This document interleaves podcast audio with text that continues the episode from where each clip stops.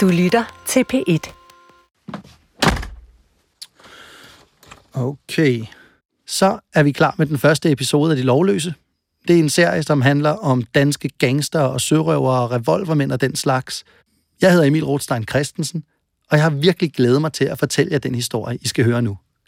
Også selvom den til tider kan være ret morbid. Og lad os bare kaste os ud i det. Jeg skruer lige lidt op for musikken. Og så tager jeg fortællerstemmen på.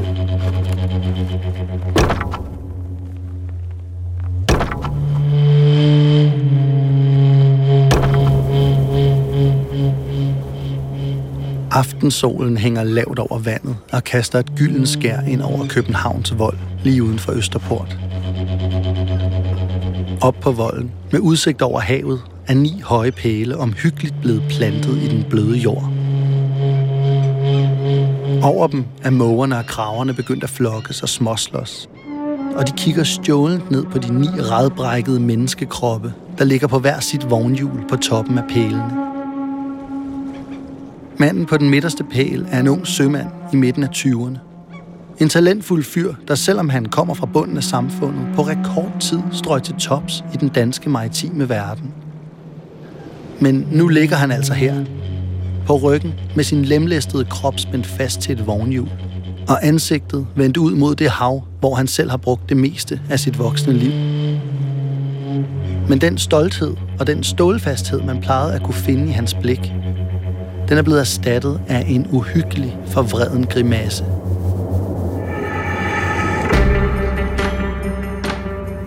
Manden hedder Jokum Gulliksen, og han er centrum i Danmarks historiens blodigste mytteri.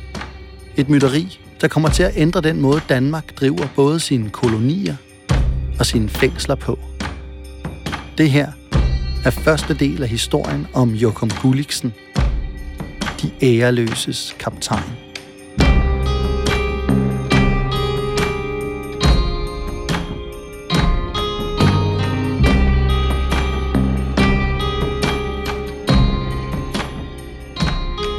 Det store spørgsmål er selvfølgelig, hvordan sådan en talentfuld ung fyr kan ende her på volden, totalt lemlæstet og på jul og stejle. Det vil jeg forsøge at give en eller anden form for svar på i den her og næste episode af De Lovløse. Men jeg får også lidt hjælp til det. Gulliksen, han er en underlig figur. Alt tyder på, at han, han er en respekteret og dygtig sømand, men der er et eller andet galt. Det her er Johan Heinsen. Og jeg er lektor i historie ved Aalborg Universitet. Og jeg forsker i øh, kolonihistorie og også i straffens og fængslets historie. Johan er formentlig den i verden, der ved mest om Joachim Gulliksen. Og han skal hjælpe mig med at fortælle den her historie om Gulliksen og skibet Havmandens sidste rejse. I efterspillet efter den rejse, der bliver skibet Havmand mytologiseret som et marits scenarie, og det bliver billedet på, hvor galt det kunne gå.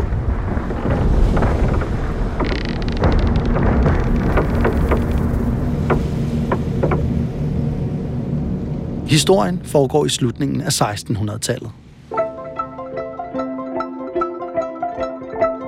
Det er ikke meget, vi kender til Gulliksens barndom, men vi ved, at han vokser op i det nybyggede boligområde Nyboder i København, hvor der især bor sømandsfamilier. Det er et ret eksklusivt område i dag, men dengang var det på ingen måde noget at prale af. Han er en del af det almindelige, det jævne maritime København, og det er et fattigt sted.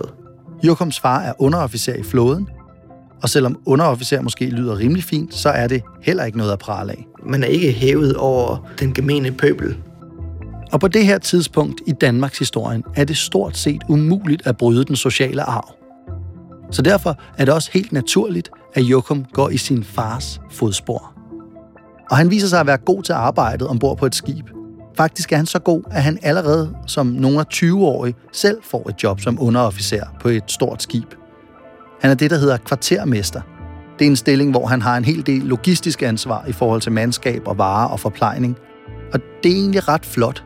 Han er, ikke, han er ikke specielt gammel, men det, at han er kvartermester på tidspunkt, antyder, at han er en, en velbevandret sømand, og efter alle dømme er han en dygtig sømand. Hvis vi tænker flåden på det tidspunkt, så kan vi tænke den som, som en, der er delt i to. Der er de menige sømænds verden, hvor man måske godt kan kravle op ad en karrierestige og blive underofficer, men hvor man aldrig, man aldrig når meget videre end det. Og det er den verden, han befinder sig i. Det med at blive overofficer, det er et andet, et andet lag i samfundet.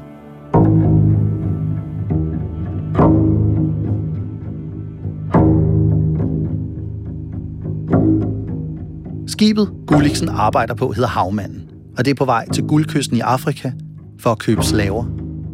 Året er 1680, og Danmark er stadig meget ny i den her ret lukrative business, hvor man henter slavegjorte folk i Afrika og sejler dem over Atlanterhavet til de vestindiske øer, som man har koloniseret, hvor de her folk så skal arbejde sig ihjel på store sukkerplantager.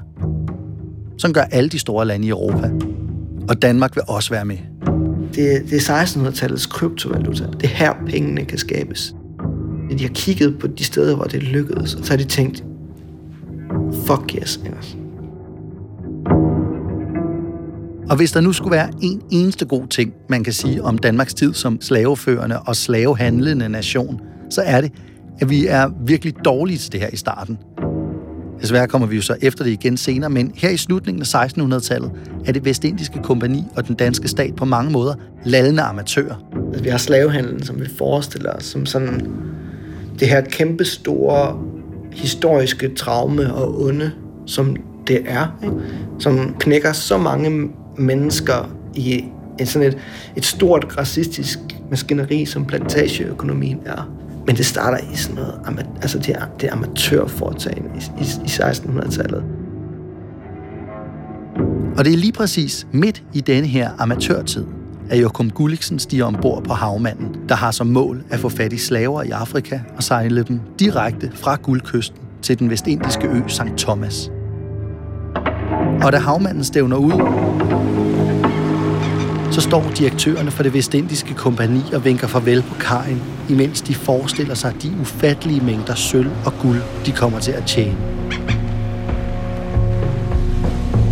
Men der er noget galt på havmanden allerede fra start af. Fra sin plads på dækket kan Gulliksen høre alle de højtstående officerer op på kommandobroen, og de er op og skændes konstant. Og selvom det selvfølgelig er normalt, at der bliver råbt og skrejet ombord på et skib, så er det her ikke helt som det plejer. For den, der bliver råbt og skrejet af, er kaptajnen. Og jo tættere skibet kommer på den vestafrikanske kyst, jo værre bliver det. Det er en rejse, som er fuldstændigt kaotisk.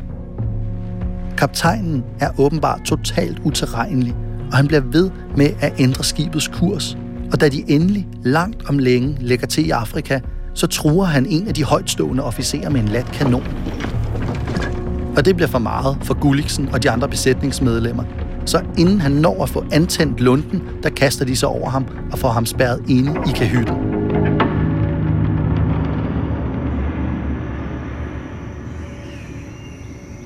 Der er altså rod i hierarkiet på skibet, og det er svært nok at navigere i i forvejen, men da de går i land på guldkysten, der bliver de mødt af et endnu større kaos. Den danske stat har udstationeret en del embedsmænd og en guvernør i Afrika for at skaffe slavegjorte afrikanere. Men på de danske forter sker der ingenting. En hel del af de her udstationerede medarbejdere, de er døde af en blanding af druk og tropesygdomme. Og på et af de her forter sidder der endda en enevældig og brandhamrende stiv guvernør. Konrad Bush hedder han. Altså det er næsten sådan en, en scene taget ud af Apocalypse Now, han har angiveligt fyldt fortet med kvinder til sit eget lille harem, og så bruger han ellers det meste af tiden på at skyde kanonsalutter af til ære for sig selv. På grund af ham her, den mærkelige guvernør, er der ingen af de andre europæiske lande eller de lokale afrikanske slavehandlere, der gider at nærme sig fortet eller danskerne. På alle mulige måder tegner sig et billede af, at det her afrikanske hjørne af det danske Atlanterhavsimperium er det vilde vest, det er pinligt for Danmark, det her. Det er en, en katastrofal rejse for kompaniet. De får aldrig krydset Atlanten. Man har fået købt, øh, hvad der vi må tro er en leopard. Det bliver beskrevet som en tiger, og man har noget elfenben, og det rejser man hjem med. Besætningen på havmanden kigger hinanden i øjnene og beslutter sig ret hurtigt for at opgive hele planen og vende næsen hjem af. Med uforrettet sag. Og her kunne man jo så have håbet på, at turen hjem ville gå hurtigt og smertefrit. Havmanden skal jo ikke længere til de vestindiske øer, for der er jo ikke rigtig nogen slaver at transportere derhen, så det er jo i virkeligheden bare en direkte tur hjem til Danmark. Men alligevel bliver den her hjemtur meget, meget lang og meget besværlig. På de gyngende bølger begynder mandskabet at blive grønne i håret. For, for uden elfenben og en enkelt leopard har de danske rejsende nemlig også slæbt alle mulige redselsfulde tropiske sygdomme med ombord. Måske er det malaria. Måske er det gul feber. Det er i hvert fald sygdomme, man ikke kan behandle. Slet ikke midt ude på havet. Hver dag bliver der kastet nye lige over bord. Jokum Gulliksen er selv med til det. Og alle frygter, at de vil blive det næste offer. Men fordi der er sådan et kraftigt mandefald på havmanden, så sker der også noget med hierarkiet ombord. Og en del af mandskabet kommer automatisk til at stige graderne nærmest dag for dag, i takt med, at de øverst kommanderende på skibet bukker under og må smides i havet. Det betyder, at Gulliksen, som egentlig ellers ligesom har nået toppen af karrierestigen, lige pludselig så er der åbninger for ham. Så da skibet ankommer i København, der er han skipper på det her skib. Det er en af de allerhøjeste øh, officerstitel. Det vil øh, sige groft sagt den, der ligesom har ansvaret for skibet.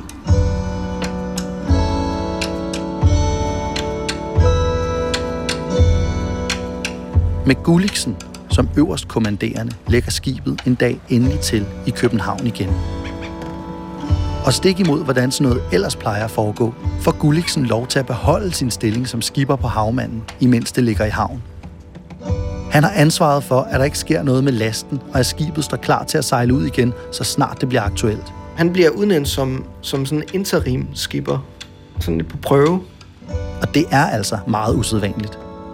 Normalt ville Gulliksen ikke i sin vildeste fantasi kunne have forestillet sig nogensinde at komme i nærheden af sådan et arbejde. Det er adlen og den slags folk, som plejer at have de her magtfulde stillinger. Det er en mega chance for Jokum Gulliksen.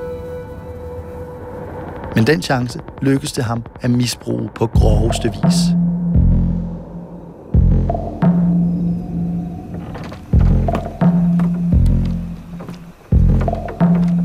En dag i det tidlige forår 1682 tager nogle af de magtfulde mænd, der sidder med ansvaret for den danske flåde, ned for at besigtige havmanden i havnen.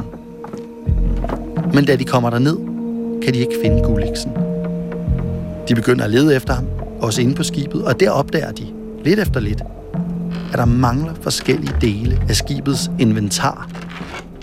Det er ikke helt klart, hvad det er, der præcis mangler, men det er i hvert fald så mange og så værdifulde ting, at de lægger to og to sammen. For når der både er ting fra skibet og en skipper, der mangler, så er der noget galt. Politiet bliver tilkaldt med ordren Find og fang Gulliksen nu.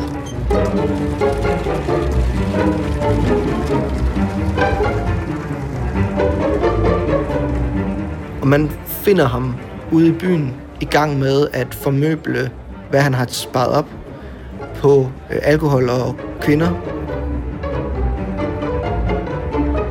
Da Gulliksen opdager, at politiet har opdaget ham, forsøger han at stikke af.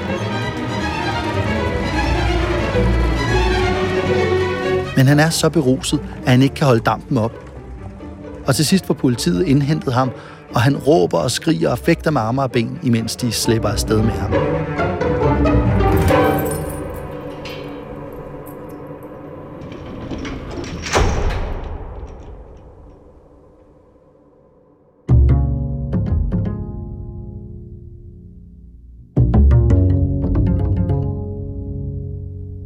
Retssagen mod Jokum Gulliksen skulle egentlig nok lidt have været en formsag.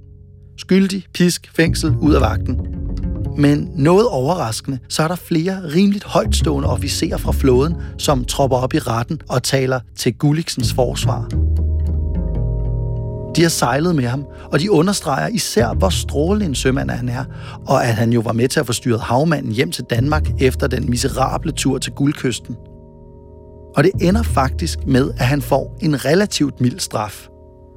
Han skal aflevere de stjålne ting tilbage, eller også skal han betale for dem, og så skal han ellers arbejde som menig sømand i et år uden løn. Men der er bare lige det, at Gulliksen ikke vender tilbage med de ting, han har stjålet. Og han betaler heller ikke for dem. Han bliver dømt til at skulle erstatte de ting, der mangler. Han erstatter ikke noget som helst, og da man igen begynder at efterspørge ham, der er det det samme mønster, der tegner sig, og man finder også ud af, at han muligvis har banket konen øh, hjemme i øh, Nyboder. Og da man prøver på at anholde ham, løber han væk flere gange. Det tager, tager flere forsøg at få, få fat i ham.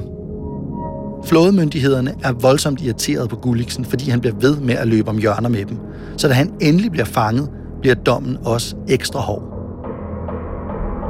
Nu er det anden gang, så nu falder, nu falder hammeren. Gulliksen bliver smidt direkte i trunken. Det er et fængsel for de kriminelle, der kun lige med nød og næppe har sluppet for at blive hængt. Og det er et modbydeligt sted. Det er et fængsel, som er en del af flådens værft, hvor man bruger de, de dømtes arbejdskraft som, som manuelt arbejde.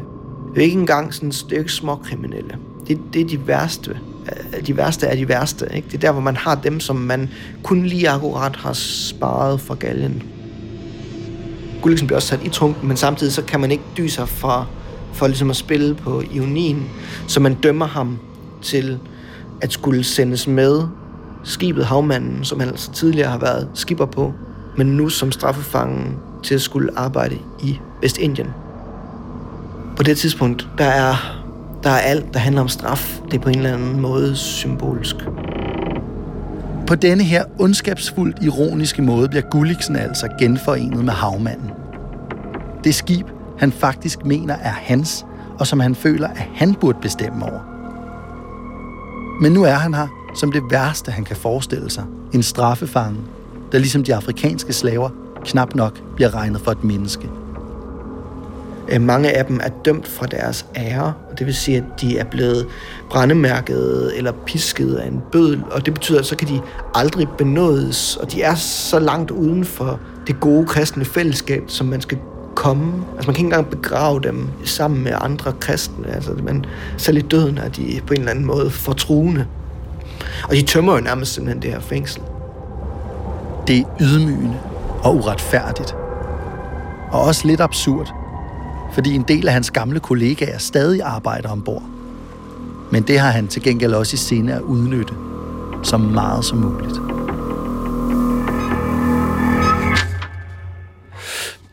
Jeg stopper lige øh, historien, for her er der nok brug for lidt kontekst. Der er krise på St. Thomas. Kolonien er kun cirka 10 år gammel, men den er allerede ved at falde fra hinanden. De fattige folk, straffarbejdere og enkelte lykkeridere, der igennem tiden er blevet fragtet til øen, de overlever nemlig ikke særlig længe.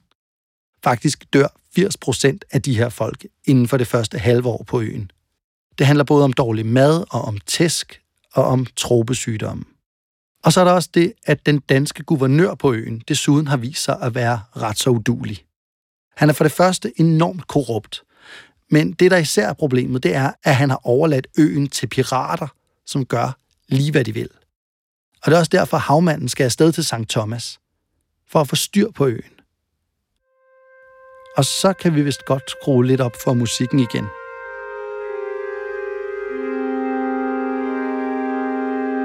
Der begynder at komme klager hjem fra de engelske øh, naboguvernører om, at øh, St. Thomas vil blive en sørøverrede. Altså, man er nødt til at gøre noget. Det vestindiske kompani, der står for rejsen, ville allerhelst have haft en god portion slavegjorte afrikanere med til at udføre alt det hårde arbejde, der er brug for. Men sådan nogen har Danmark jo altså ikke kunne finde ud af at anskaffe sig, og man har på ingen måde kunne finde nok folk, der frivilligt har ville med. Så derfor ser kompaniet kun én udvej. At bruge straffefanger. Så dagen før afrejsen har havmanden altså fået fyldt sit nederste dæk med en rimelig broget skare af samfundets absolute udskud. Når man kigger på det i dag, så er ideen med at tage de her fanger med nærmest dømt til at ende galt fra starten. Der er næsten lige så mange fanger ombord, som der er almindeligt mandskab. Og så er det som om, man simpelthen ikke har tænkt over, at alle de her fanger fra trunken jo har været tvunget til at arbejde på flådens værft, inden de blev smidt ombord på havmanden. Altså, de fleste af de her folk, de hader jo med god grund flåden og alt, hvad der følger med. Men nu sidder Gulliksen altså sammen med 50 andre dømte mænd som sild i en tønde på havmanden. Og her får de så selskab af 20 af de værste kvindelige fanger i København. Det vestindiske kompani, der står for rejsen, har nemlig en plan om, at de her straffefanger ikke bare skal genopbygge den danske koloni på St. Thomas. De skal også genbefolke den. Det er selvfølgelig klart, at det kræver en hård hånd at styre den slags folk. Og det er blandt andet også derfor, at man har overtalt en mand ved navn Jørgen Iversen til at tage med. Han har tidligere været guvernør på St. Thomas. Faktisk var han koloniens første overhoved, da man startede den. Men han måtte tage hjem med et blakket ry, efter han havde banket en mand til døde, som havde gjort et eller andet ligegyldigt.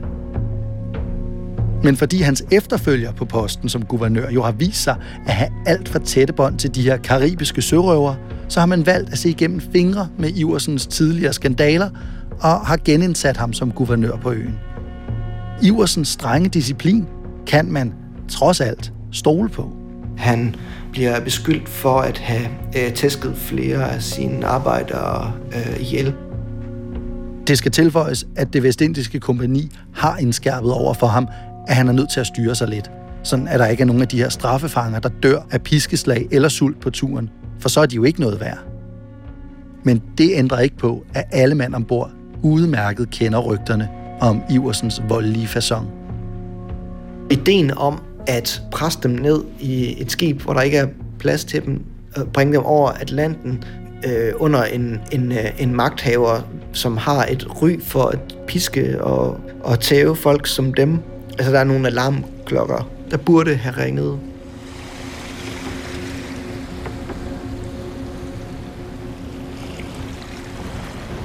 Havmanden stævner ud en kold novemberdag i 1683.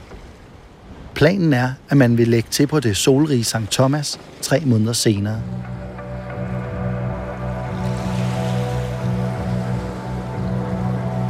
Ugerne går langsomt på havet. Og havmanden har svært ved at få ordentlig vind i sejlen. Det er ikke mange dage siden, at mandskabet på havmanden har kunne fejre nytårsaften. Men de brag, man kan høre i baggrunden her, det er ikke fra nytårsraketter. Det er kanoner, der skyder på må og få ud i den tågede nat. I forsøg på at komme i kontakt med nogen inde på land. En kystvagt for eksempel. Skibet og mandskabet er faret totalt vild. De ved, at de vist nok befinder sig et eller andet sted i den engelske kanal. Men de ved ikke, hvor i den engelske kanal. Om 14 dage skulle de efter planen nå St. Thomas, men de er meget langt fra deres mål. Rejsen er gået fuldstændig galt. Siden de tog afsted, har de været forfulgt af uheld. Den ene storm har afløst den anden, og de har været indhyllet i en tæt, tæt tog, næsten konstant. Og kanonskuddene, de fyrer af, hjælper ikke. Så snart bragene er døde ud, er det eneste, man kan høre masternes knagen og bølgerne, der slår ind mod skibet. Og den engelske kanal er jo, altså der er jo sandbanker og, og, og alle mulige ting. Ikke? Men, men man er jo, altså, man er jo stadigvæk så langt fra Karibien. Der er dårlig stemning ombord. Meget dårlig. Drikkevandet i tønderne er rådnet, og maden er kold. Og når den en sjælden gang er varm, så er den til gengæld også blevet kogt på saltvand. Og nu har kaptajnen så endda beordret, at maden skal rationeres. I hvert fald for de menige sømænd og straffefangerne. Det samme gælder for øl og brændevin, som ellers har været det eneste, de har kunne styrke sig på.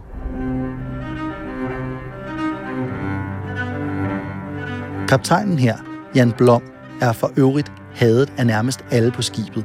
Han udsulter en bredere besætning, imens han selv lever et, et, et overdådigt liv i kahytten med sin, sin nærmeste klike af, af styrmænd og, og officerer. Han er enrådig og voldelig, og så er han for drukken og en elendig navigatør. Der er nogen, der siger, at han på sin forrige rejse var så stiv, at han ikke engang kunne finde solen på himlen. Og det kunne se ud som om noget af det samme er ved at ske her. Havmanden okser rundt i cirkler i den engelske kanal og skyder kanonsalver ud i togen til ingen verdens nytte. Og for at gøre ondt værre, så har skibet også en læk, som ingen kan tage sig sammen til at få fikset.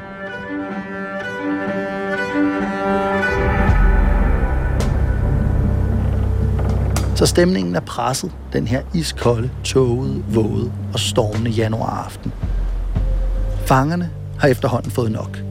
De kræver at komme i land og truer med at ville overtage skibet. Men guvernør Iversen får med smukke og velvalgte ord og en ordentlig røvfuld brændevin talt gemytterne ned. Så lover han dem, at hvis de opfører sig ordentligt nu, så vil han opføre sig ordentligt over for dem, når de kommer til St. Thomas. Og da han har sagt det, går Iversen i seng med en god fornemmelse i maven. Og de utilfredse folk trækker sig også stilfærdigt tilbage. Og alt under til synladende fred og ro igen. Men kun til synladende.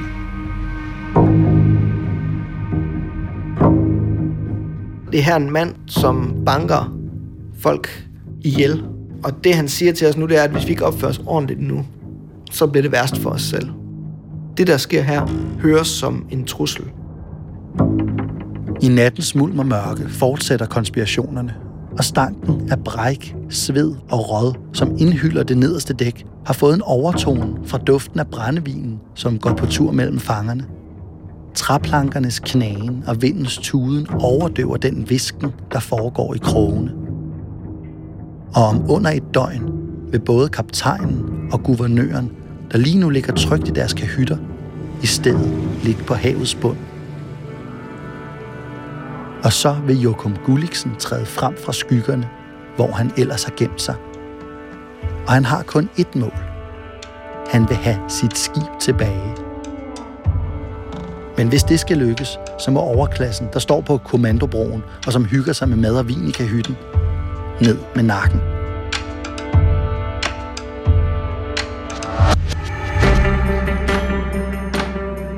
Vi lader Gulliksen og de andre hænge lidt her. Hvordan det hele kommer til at gå, det kan du høre i næste afsnit af De Lovløse, hvor vi afslutter historien om Jokum Gulliksen og havmandens sidste rejse.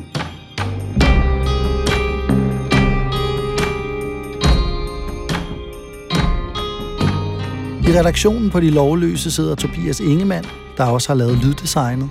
Rune Spar Gertsen er redaktør, og jeg hedder Emil Rothstein Christensen.